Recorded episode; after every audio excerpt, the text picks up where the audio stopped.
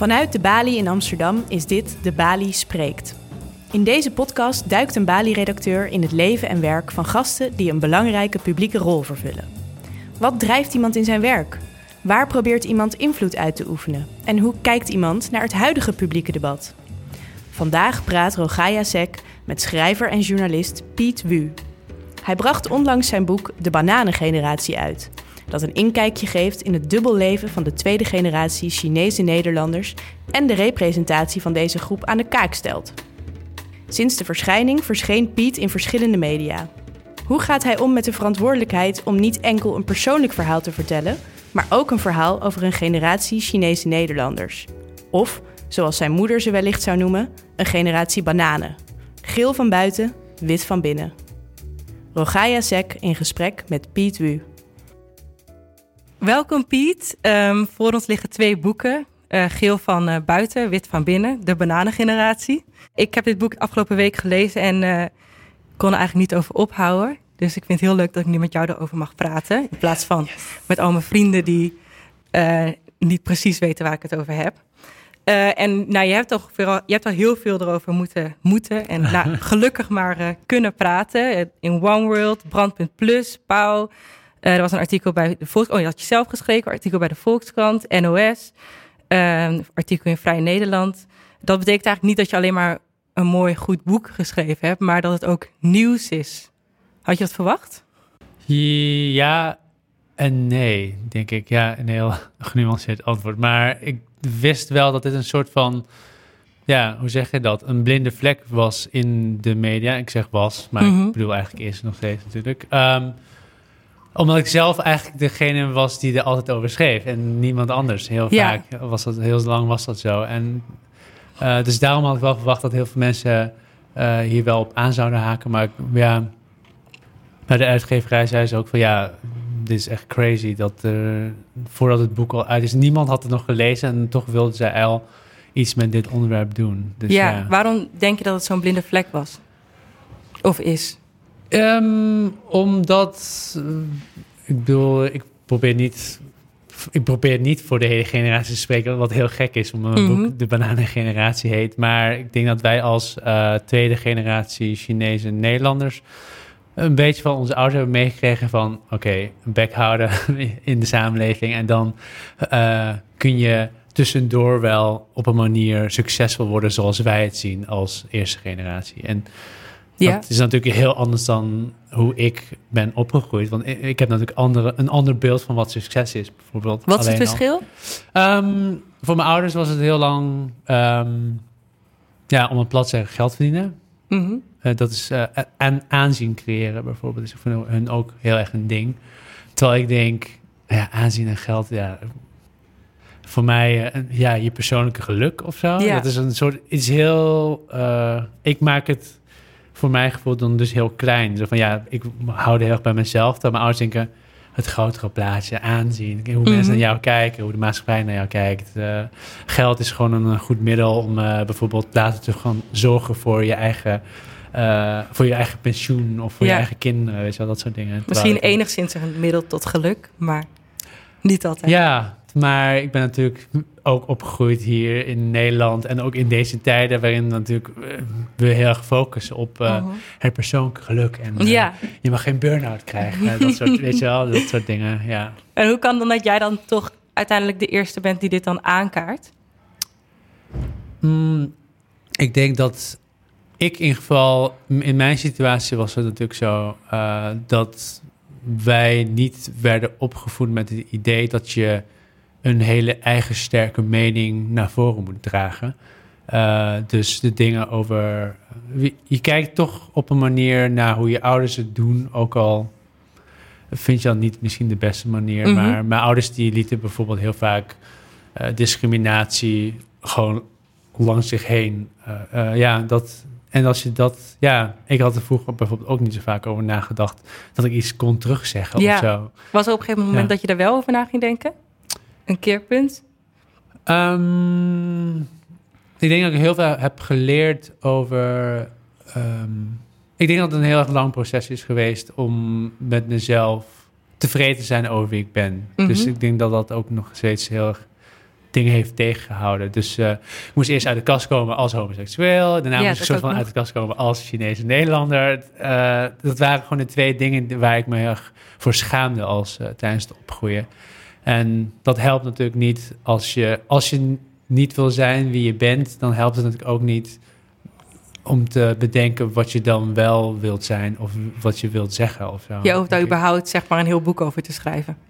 Over ja, de identiteit. Dit boek had ik echt tien jaar geleden, vijf jaar geleden misschien niet eens kunnen schrijven. Ja. ja. En hoe was de afgelopen week? Want je hebt wel enorm veel over jezelf gesproken en over dit boek en over het thema Chinese Nederlanders zijn. Ja. Hoe, hoe heb je dat ondervonden? Het praten over mezelf? Ja, en over deze thema's. Um, Wat natuurlijk een heel persoonlijk thema is. Ja, ik heb wel echt uh, moeten leren om te praten over mezelf in de afgelopen tien jaar. Dus ik denk dat het nu wel wat beter gaat. Want even een voorbeeld te nemen. Je zat uh, uh, bij Pauw deze week. En dan zat je tegenover Frans Bauer. Ja. die natuurlijk het programma had Frans Bauer in China. Waarin hij als een soort van botte Hollander in China aan het, door China aan het reizen was met zijn vrouw. Um, toen werd op een gegeven moment, omdat hij daar nou eenmaal zat... of nou, ik weet niet niet precies hoe dat dan gaat, werd er een fragment liet ze zien van dat programma waar hij dan een Chinese menukaart uit de tas haalt om dan die uit die hij mee heeft genomen van niet de Chinese, maar Nederlandse Chinese menukaart eigenlijk als het ware uh, van zijn Chinees waar hij altijd heen gaat meeneemt van kijk, ik wil graag deze babi Bami zegt hij ook Pangang. Um, en wat er dan gebeurde bij Pau is dat er, uh, nou ja, na dat fragment werd er gelachen. En toen was, zei Pau iets van, ja, nou, uh, je, ouders. En toen ging het, daar, toen ging het gesprek verder over, over jou en, en de relatie met, met je ouders. Ja. Uh, wat, wat dacht je toen op dat moment? Nou, ja, dus van, van tevoren natuurlijk wel gesproken over uh, hoe het ongeveer zou kunnen gaan of zo. Dus het ik gesprek. wist, ja, ik wist, wist bijvoorbeeld pas heel laat dat Frans Bauer ook geboekt was op dezelfde dag. Mm -hmm. Of dat toevallig is of expres, dat laat ik even in het midden. Want ja, dat kan ik natuurlijk niet zeggen hoe het gaat in de talkshowwereld. Mm -hmm. uh, ik zelf zou als maker natuurlijk die confrontatie willen. Maar mm -hmm. ik had eigenlijk van tevoren al bedacht, samen ook met de redactrice die uh, bij Pauw zat, dat het kan overkomen alsof ik dan de confrontatie opzoek tegen Frans Bauer. Terwijl ik natuurlijk meer iets heb tegen de beeldvormer die ja. dat programma veroorzaakt. Dus het, mm -hmm. ja, Frans Bauer is gewoon, laten we eerlijk wezen, een pion die denkt... dit programma is leuk om te maken. Ik mag naar China met publiek geld en... Mm -hmm. uh, ik kan misschien mijn muziek nog verkopen en mijn fans uh, soort van... En mijn favoriete eten eten. En zijn favoriete eten eten. Um, Bami dus, Pangang. Frans Bauer is misschien wel de, een van de meest aardige personen op de wereld. Dat ook achteraf sprak ik en dacht van ja. deze man, wauw. En tijdens de uitzending dacht ik, wat een, uh, what a guy. Of zo dacht ik, uh, zo aardig. Hij, ja, ik gaf hem mijn boek. Hij zei, ja, ik wil er wel voor betalen, dus geef me je nummer. Wauw. Dus dacht ik, ja. Stuur me tikkie. Hoe kun je iets tegen deze man hebben? Ja, ja. je kunt niet van zijn muziek houden of zo, maar... Maar had je uh, toen nog het idee op dat moment van, ik ga wel iets zeggen, al is het alleen maar over de beeldvorming?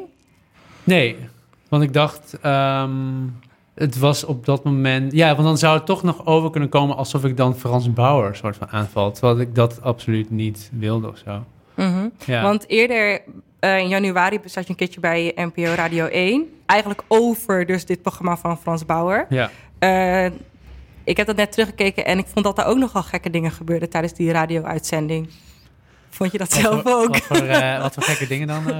nou, dat jij kwam daar ook kritiek te leveren op Frans Bouw, op, op dat programma. Niet op Frans Bouw dus, maar ja. het programma en de beeldvorming over ja. um, China. En uh, binnen de kortste keren was in plaats van dat jij een, een, een kritiek kwam leveren, was, was het jouw bubbel waar... Um, waardoor jij misschien Frans Brouwer niet begreep als gemiddelde Nederlander. Ja. Um, en uh, de vraag werd gesteld waarom, uh, hoeveel Chinezen er rond eten. Ja. Wat ook volgens mij niet helemaal mm. bij het topic paste. Nou, misschien volgens andere mensen wel. Um, en ze zei ook nog van, het is toch gewoon... Wat zei ze ook weer? Ja, ik weet mm, Het is toch gewoon... Het, het, het, het is wel amusement, hè? Dat begrijp je toch wel? Ja, maar ik denk dat daar dus dan toch wel... Ja, er wordt gewoon altijd zo casual gedaan over... Uh, ja, discriminatie tegen Oost-Aziatische mensen of zo. Mhm. Zo lijkt het in ieder geval. Terwijl ik ook weet dat heel veel mensen sowieso casual... discriminatie is sowieso een eh, ding in een land waar je alles mag zeggen, zoals Nederland. Ja. zogenaamd. Ja, sorry, wat was je vraag? Ja, maar wat denk, wa- waarom denk je dat, dat, dat er zo casual over werd gedaan? Ja, ik denk omdat het beeld bestaat dat eh Chinezen er toch niks tegen zeggen. Ik was zelf tijdens het moment ook echt flabbergasted dat ze dat vroegen. Omdat ik Mhm. natuurlijk zelf in een bubbel leef waarin je dit soort dingen... waar je daar denk je twee keer over na voor je überhaupt Ja. denkt of zegt. En dat zij dat gewoon zo casually zo eruit zo dacht ik, wow, ik weet, was, weet letterlijk niet wat ik moet zeggen. Ja, Nou, dus ik, ja, ik zei toen ook van, ja, ik weet gewoon niet hoeveel mensen de hond eten. Ja, wat voor een cijfer wil je? ja. Weet jij het? En Toen zei ze, nee, ik vraag het aan jou. Ja, ja, ja, alsof dat was, ja, sowieso word ik in ieder geval wel vaker gezien ineens als een autoriteit op een gebied waar ik helemaal geen autoriteit op ben, namelijk China of hond eten. Ja, Ja. Wat, hoezo? Ik ben opgegroeid in Nederland. De laatste, ja, ik ben drie keer naar China geweest. Ben ik dan een autoriteit Ja, eh, op het gebied van China of hond eten? ja laat staan inderdaad de cijfers Ja. over wat China eet. Dat ik dat zomaar kon Chinees eten. reproduceren in een live radio-uitzending was misschien wel een beetje te hoog gegrepen voor eh, de verwachtingen die zij had wanneer ze naar mij keek, bijvoorbeeld alleen al. Ja. Heb jij Ja. de laatste tijd meer van dat soort momenten meegemaakt? Wat voor Momenten, momenten? dat je vragen krijgt waarvan je denkt van... Hè, maar dit past toch helemaal niet bij het, het topic Ja. waarover ik hier spreek. Ja, wel vaker denk ik. Dat was vorig jaar gevraagd voor een panel eh, van... hey, eh, we hebben nog last min- minute iemand nodig die alles weet over bitcoins in China. Oké. ik, wat? Cryptocurrency en ik? Wauw, hoe ver kun je van mijn wereld vandaan zijn? En, en ook in China. Ik dacht, ja, mensen maken te snel die vers- vertaalslag van... oh ja, hij zal vast wel alles weten over Mhm. het land van zijn ouders. Terwijl ik 30 jaar lang in schaamte gedrenkt was van het idee dat ik ook maar Chinees kon zijn. Je Dus zette ja, je daarvan af. Je zette daar maar heel erg van af, inderdaad. Omdat het, ik merkte gewoon in mijn jeugd aan bepaalde dingen dat mijn Chinees zijn werd gezien als vreemd of anders. Of een manier om mij op een, een soort van buitenspel te zetten of zo. Mhm. Dus dan probeer, ja, ik probeerde me gewoon heel erg een beetje daarvan weg te blijven. Want, want dat is een manier waarop mij, zij mij konden disqualificeren eigenlijk. En hoe doe je dat dan?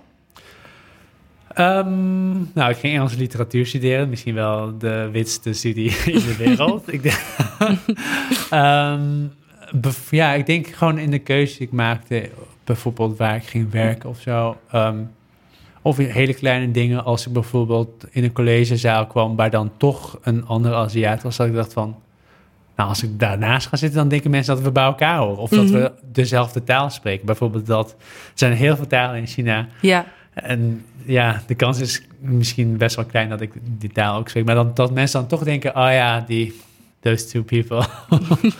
ja, terwijl ik nu na het schrijven van het boek denk van, ja, who the fuck cares of zo. Maar daarvoor dacht ik wel van, hmm, ik schaam Ja. daarvoor. Ja, voor wie heb je het boek eigenlijk geschreven?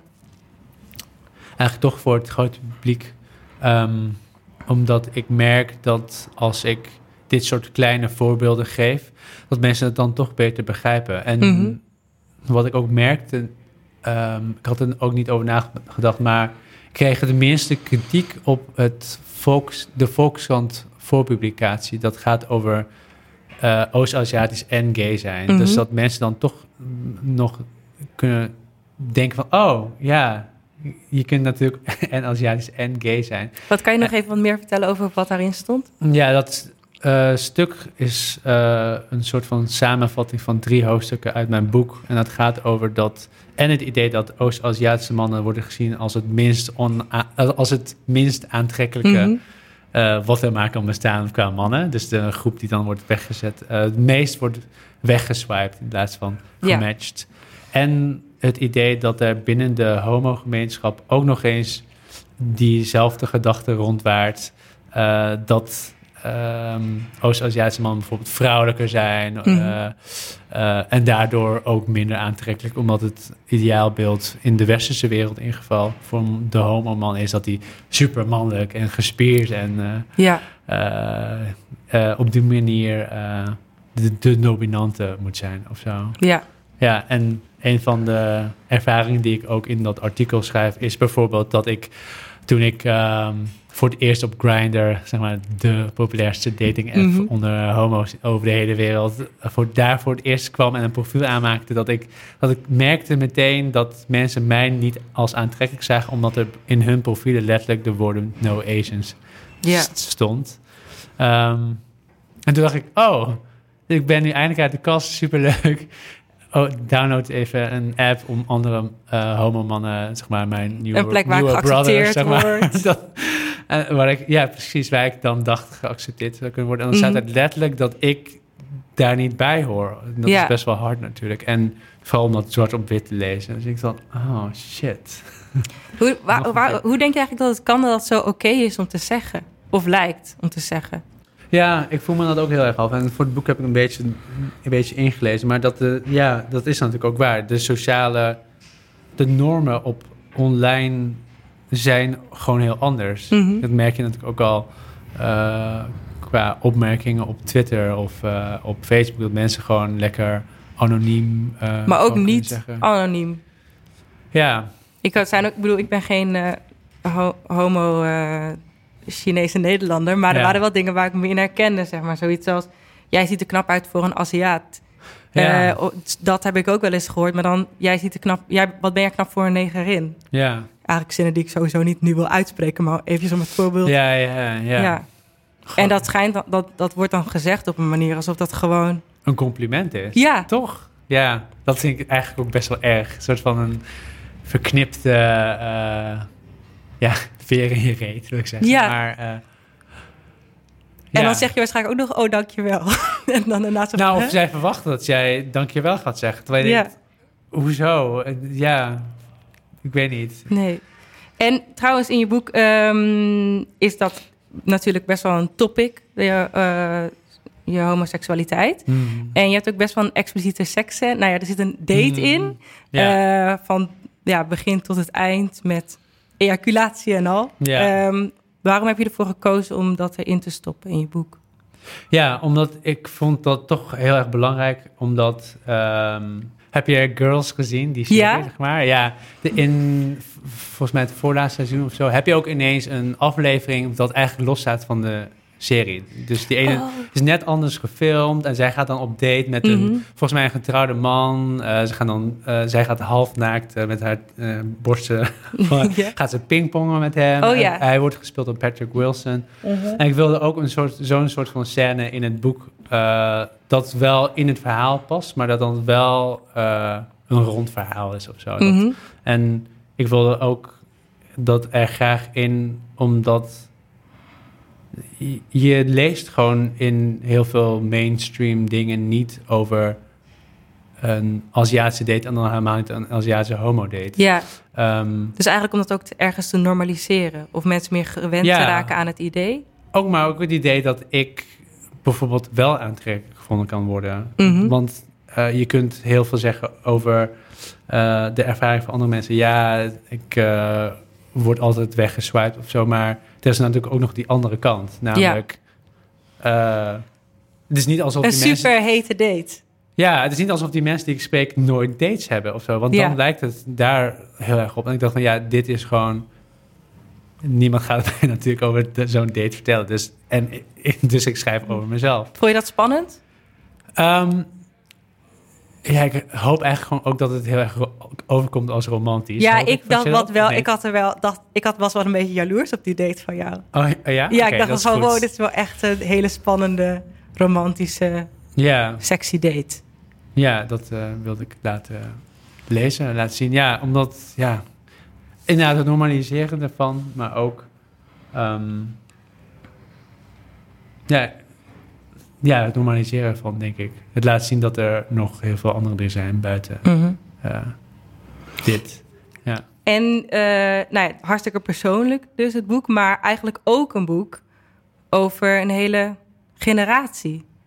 Was het niet een hele grote verantwoordelijkheid Jawel. voor jou? Jawel, want ik dacht eigenlijk eh, heel laat in het schrijfproces ook van... oh ja, andere mensen gaan het lezen. Mhm. Mijn ouders gaan die seksscène lezen. Mijn, Ja. mijn, eh, eh, ja, ik voel, wel, voel nog steeds wel een hele grote verantwoordelijkheid. Maar ik hoop, de boodschap van het boek is juist om te laten zien hoeveel gezichten die ene Chinese Nederlander kan, Mhm. Nederlander kan hebben. Dus Ja, want je hebt heel veel Ja. verschillende Chinese Nederlanders geïnterviewd ja, voor het alle boek. provincies, eh, eh, man, vrouw, veel, eh, heel veel gay, non-binair, lesbische vrouwen, mensen die kunstenaar zijn, mensen die wel gewoon passen in het stereotype beeld van bijvoorbeeld een kok of zo, of Mhm. iemand die ober is of zo, of mij ook politicians. Het is, probeer het gewoon zo, ja, mensen uit de grootstad, kleine, kleine dorpen. ehm, niet dat dat een volledig 100% beeld geeft van eh, wat de Chinese Nederland kan zijn, maar het Maar geeft wel zo een diverser ja. beeld. Ook voor mezelf, omdat om mijn eigen stereotypen over andere Chinese Nederlands te ontkrachtigen. Mhm. Dat vond ik het heel belangrijk dat ik juist echt het land inging, om naar die mensen toe ging. Kijk hoe zij in hun omgeving zich navigeren tussen andere groepen of tussen, ja. Heb je daar nog iets gevonden wat je niet had verwacht? Ehm, Is er een stereotype van jou ontkracht?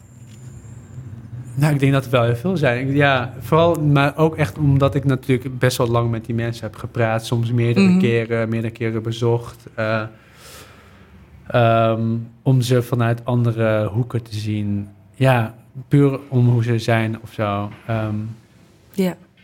Het, zijn helemaal geen onderdanige geisha-vrouwtjes. Of het zijn helemaal geen asexuele nerdy types... eh, die, die wat altijd in de media voorkomt. Ja. Eh, ja, dat vind ik juist heel erg eh, leuk en heel leerzaam. Ja. Ja. zo gek dat ik zelf als Chinese Nederlander moet leren...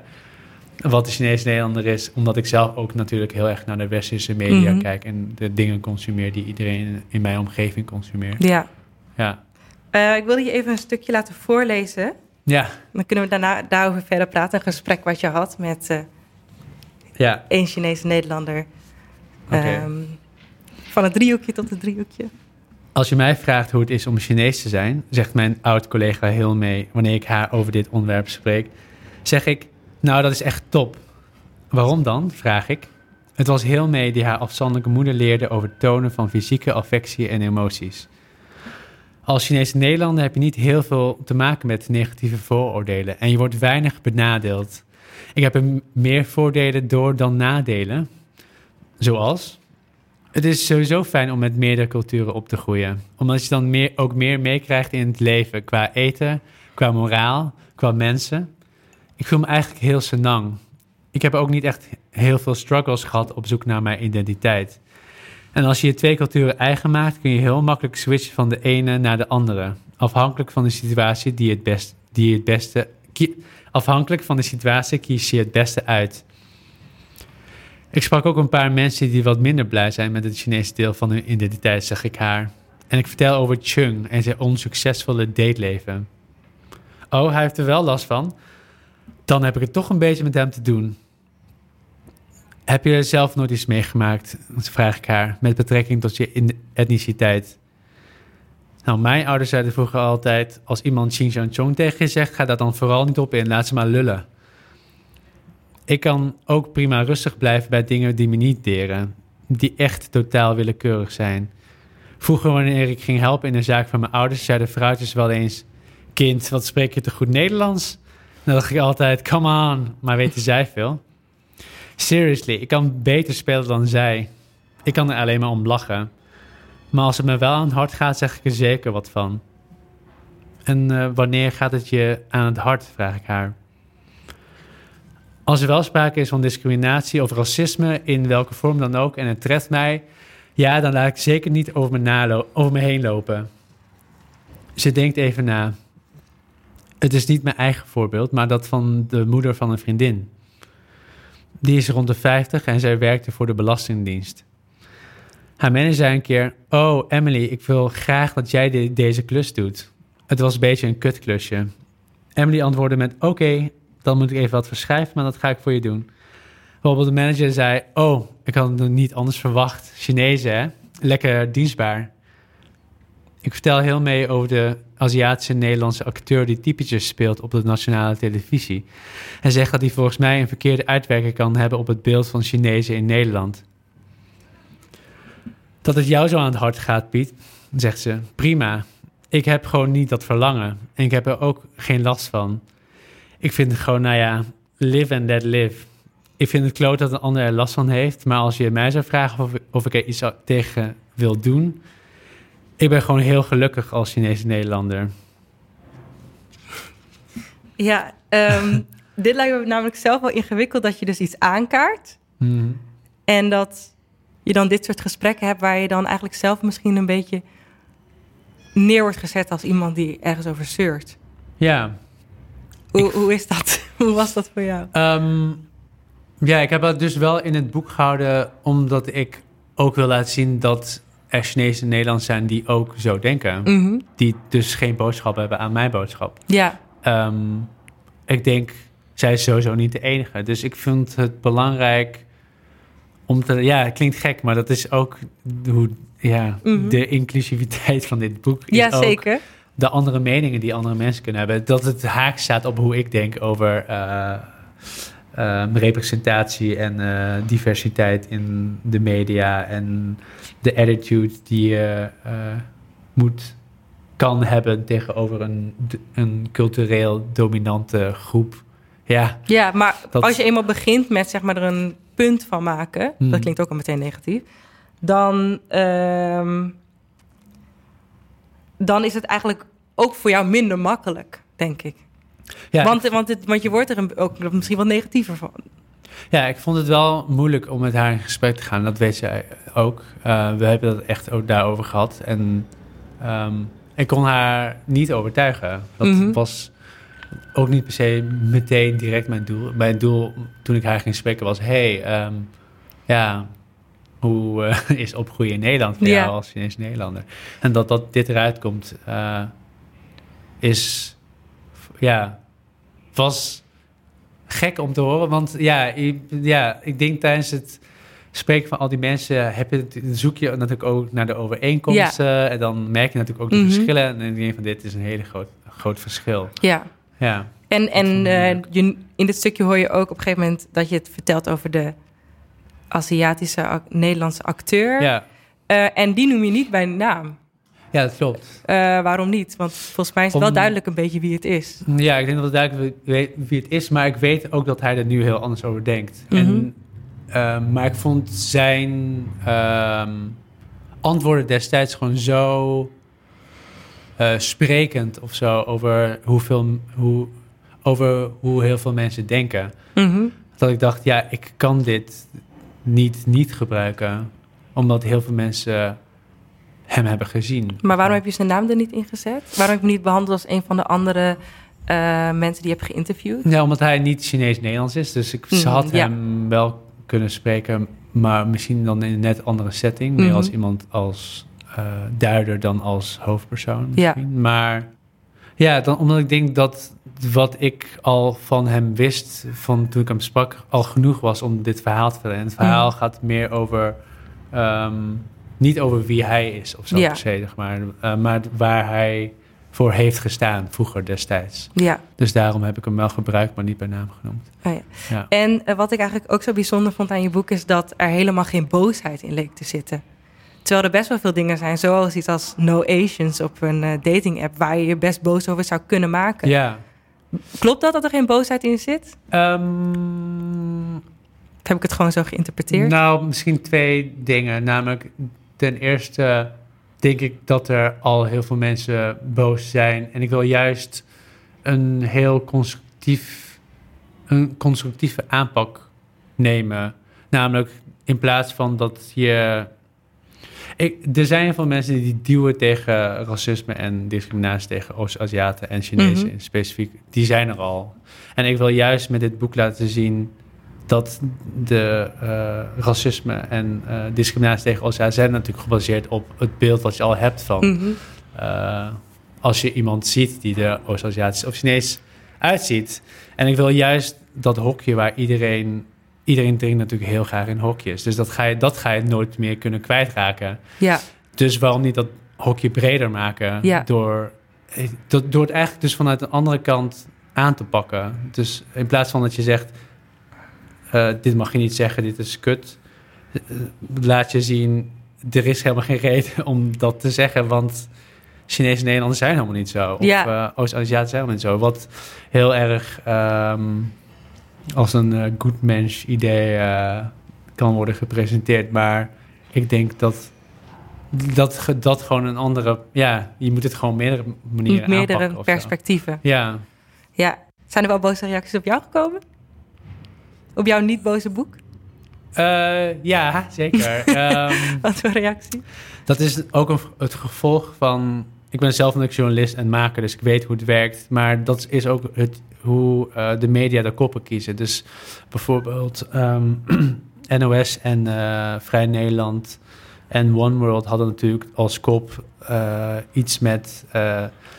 de, het tijdperk van Hanky Panky Shanghai zingen is voorbij. Ja, wel, dat soort dingen. En dat is natuurlijk eh voer voor eh, mensen die vinden dat het niet voorbij is. Of in ieder geval vinden van, er wordt ons iets Pak je ons dat liedje ook We nog mogen af? Hanky Panky Shanghai niet eens meer op school zingen. Want dat zijn, dat zijn toch kinderen, die weten het toch niet. Ja, dat is natuurlijk voer voor eh, ja, mensen die daar iets van vinden. En, ehm, sorry, wat was je vraag ook alweer? Nee, nee, ja, je, je hebt het antwoord al gegeven. Oh, wat dan? Ja, Wat was of mensen boos zijn geworden, wat voor boze reacties je hebt gekregen. Ja. Maar ik denk dat ik dan ook al kan raden wat voor reacties daar ongeveer op komen. Ja, ik heb ze eigenlijk dus niet echt gelezen. Want ik dacht, ja, sorry, ik moet straks eh, bij Pauw zitten. dus ik heb even geen tijd Geen voor zin daarin. Ja. Ja, nou ja, ik zou in ieder geval de mensen die de boze reacties hebben geschreven heel erg aanraden om het boek te lezen. Ik zou eigenlijk iedereen enorm aanraden om het boek te lezen. Ehm, je geeft een inkijkje in de wereld van de Chinese Nederlanders, maar eigenlijk ook een heel goed beeld van wat Nederland is. De Nederlandse maatschappij, eigenlijk de Nederlandse identiteit waar we met z'n allen naar ehm, op zoek zijn. Die heb je ook echt fantastisch gevangen in dit boek. Dus Ja. eh, op die manier kan het eigenlijk enorm veel leren over niet alleen wie, wie de Chinese Nederlander is, maar wie elke Nederlander is van verschillende culturen, denk ik. Ehm, en eh tenslotte nog één, één klein vraagje. Hebben je ouders het al gelezen? Nee, Oké. niet. Nee, Nou, heel spannend als dat eh, gaat gebeuren. ja. Ik wens je heel veel succes volgens mij vandaag ook op de boekpresentatie. Dank je wel. Dankjewel.